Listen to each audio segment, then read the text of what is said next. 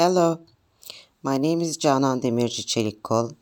I am the instructor of ATR 122 course which is named Logistics Geography. Now I will give you a brief information about the course. The flow of the course is composed of 14 weeks.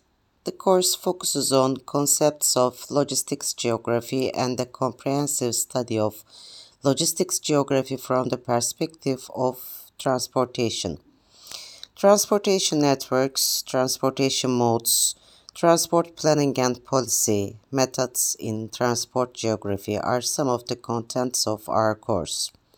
During the semester, I expect you to do some weekly assignments and you will have pop quizzes. My grading criteria will include your interactive activities with the class, written works, and also exams.